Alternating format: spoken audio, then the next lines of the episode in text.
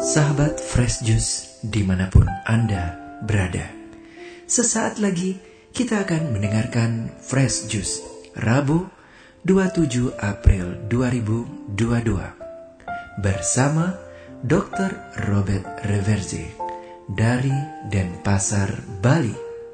Selamat mendengarkan.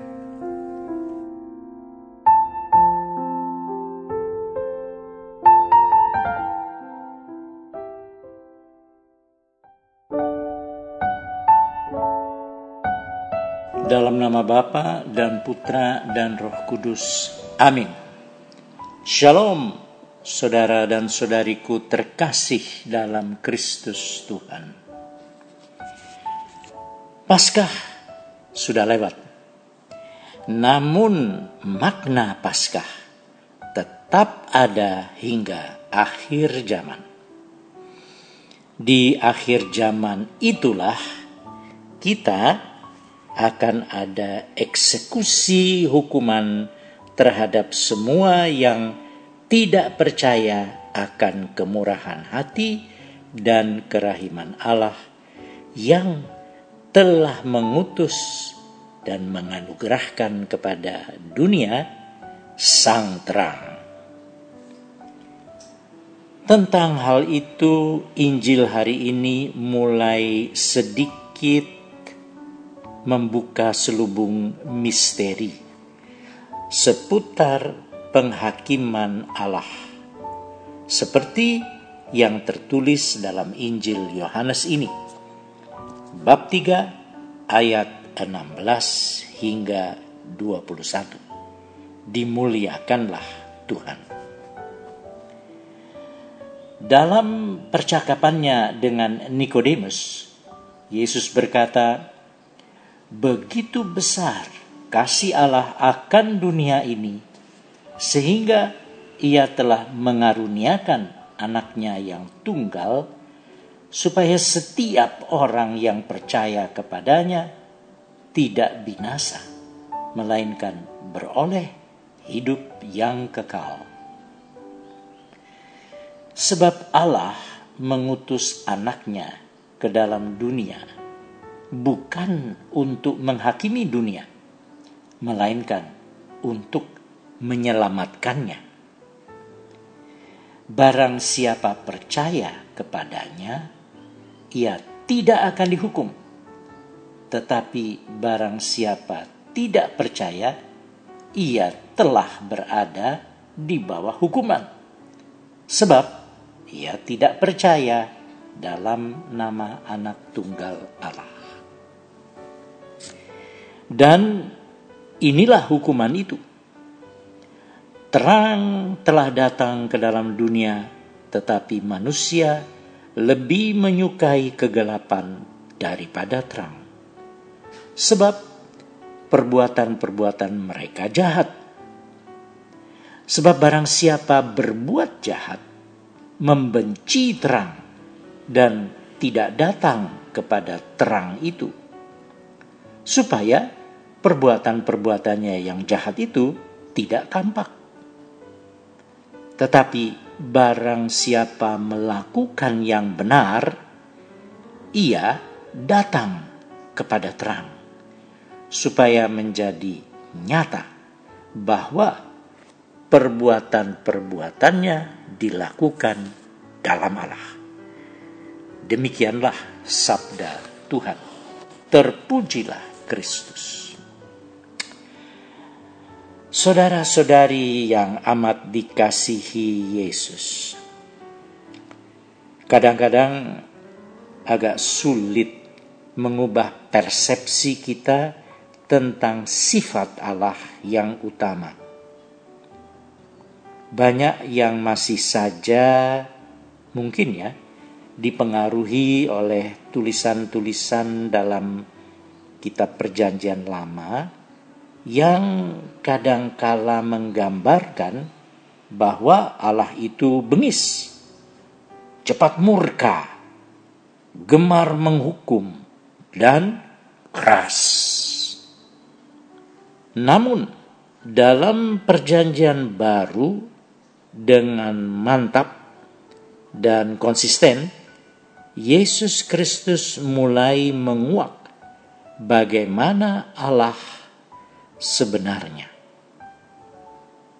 Penuh kasih, tidak murka dan bengis, serta senantiasa ingin mengampuni semua orang yang menyesal akan dosa-dosanya dan mau bertobat.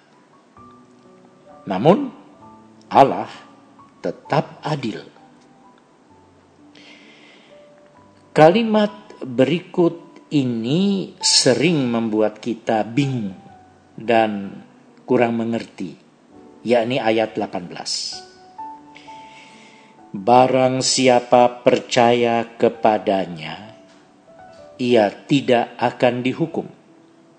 Tetapi barang siapa tidak percaya, ia telah berada di bawah hukuman. Sebab ia tidak percaya dalam nama anak tunggal Allah. Mari kita dalami ayat ini. Di masyarakat, sering kali kita mendengar ada orang berkata begini, "Wah, saya difonis oleh dokter saya bahwa saya kena misalnya penyakit kencing manis, diabetes. Apakah betul bahwa ada dokter yang begitu hebat sehingga bisa memfonis orang terkena suatu penyakit tertentu? Kalau betul, maka itu aneh luar biasa, bukan? Dokter tidak pernah memfonis orang agar kena penyakit. Selama saya menjadi dokter, saya tidak pernah menghukum orang agar kena suatu penyakit. Dokter kan hanya memeriksa dengan ilmunya, lalu mendapatkan bukti-bukti bahwa pasiennya mengidap Misalnya penyakit A atau penyakit B atau C. Bukan. Lalu biasanya dokter itu akan memberi penjelasan tentang bagaimana pasien bisa sembuh dari penyakit itu. Pada umumnya, pasien yang telah didiagnosa mengidap suatu penyakit tertentu juga dinasehati dan diberitahu tentang cara-cara agar bisa sembuh.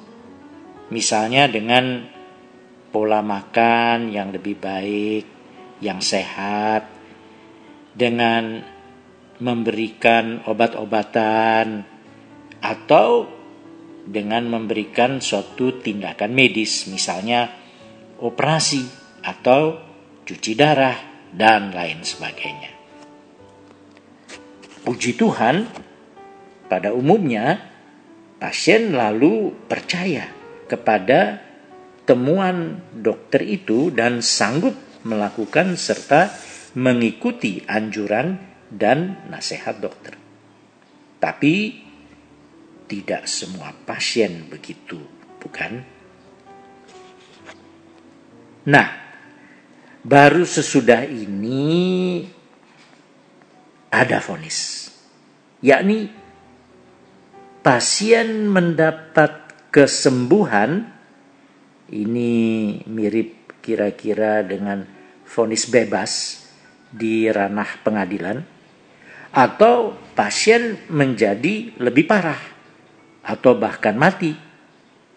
Karena tidak percaya tidak mau mengikuti anjuran dan pengobatan. Ini mirip dengan vonis hukuman penjara atau hukuman mati dalam ranah pengadilan. Jadi, saudaraku, inilah keadaan yang dimaksud dengan ayat tadi. Ia telah berada di bawah hukuman. Dan apa sebabnya ya? Ia berada di bawah hukuman? Ya, karena ia tidak percaya. Tidak percaya itulah hukumannya. Dalam hal contoh kedokteran tadi, ada juga orang yang tidak percaya akan temuan dan diagnosis dari dokternya. Lalu pasien itu berikhtiar sendiri dengan cara-caranya sendiri sebab ia menampik uluran tangan dan nasihat-nasihat penyembuhan dari sang dokter itu. Saudara-saudariku sesama kekasih Tuhan, bukan dokter itu yang menjatuhkan vonis penyakit dan akibatnya. Pasien itu sendiri telah mengambil dan menerima risiko untuk mencari penyembuhan meskipun telah mendapat nasihat serta cara penyembuhan yang lebih tepat dari dokter. Ini yang membuat kita jadi lebih mengerti arti ayat 19 dari perikop ini. Dan inilah hukuman itu. Terang telah datang ke dalam dunia, tetapi manusia lebih menyukai kegelapan daripada terang. Kita manusia ada pilihan bebas kita bisa menampik terang dan kita bisa juga menerima terang itu agar supaya selamat. Mari kita mohon kepada Roh Kudus kiranya diberikan kemauan agar memilih terang yang dari Allah, yakni Yesus Kristus juru selamat. Amin. Dalam nama Bapa dan Putra dan Roh Kudus. Amin. Sahabat Fresh Juice, kita baru saja mendengarkan Fresh Juice Rabu 27 April 2022. Terima kasih kepada Dr. Robert untuk renungannya pada hari ini. Sampai berjumpa kembali dalam Fresh Juice edisi selanjutnya.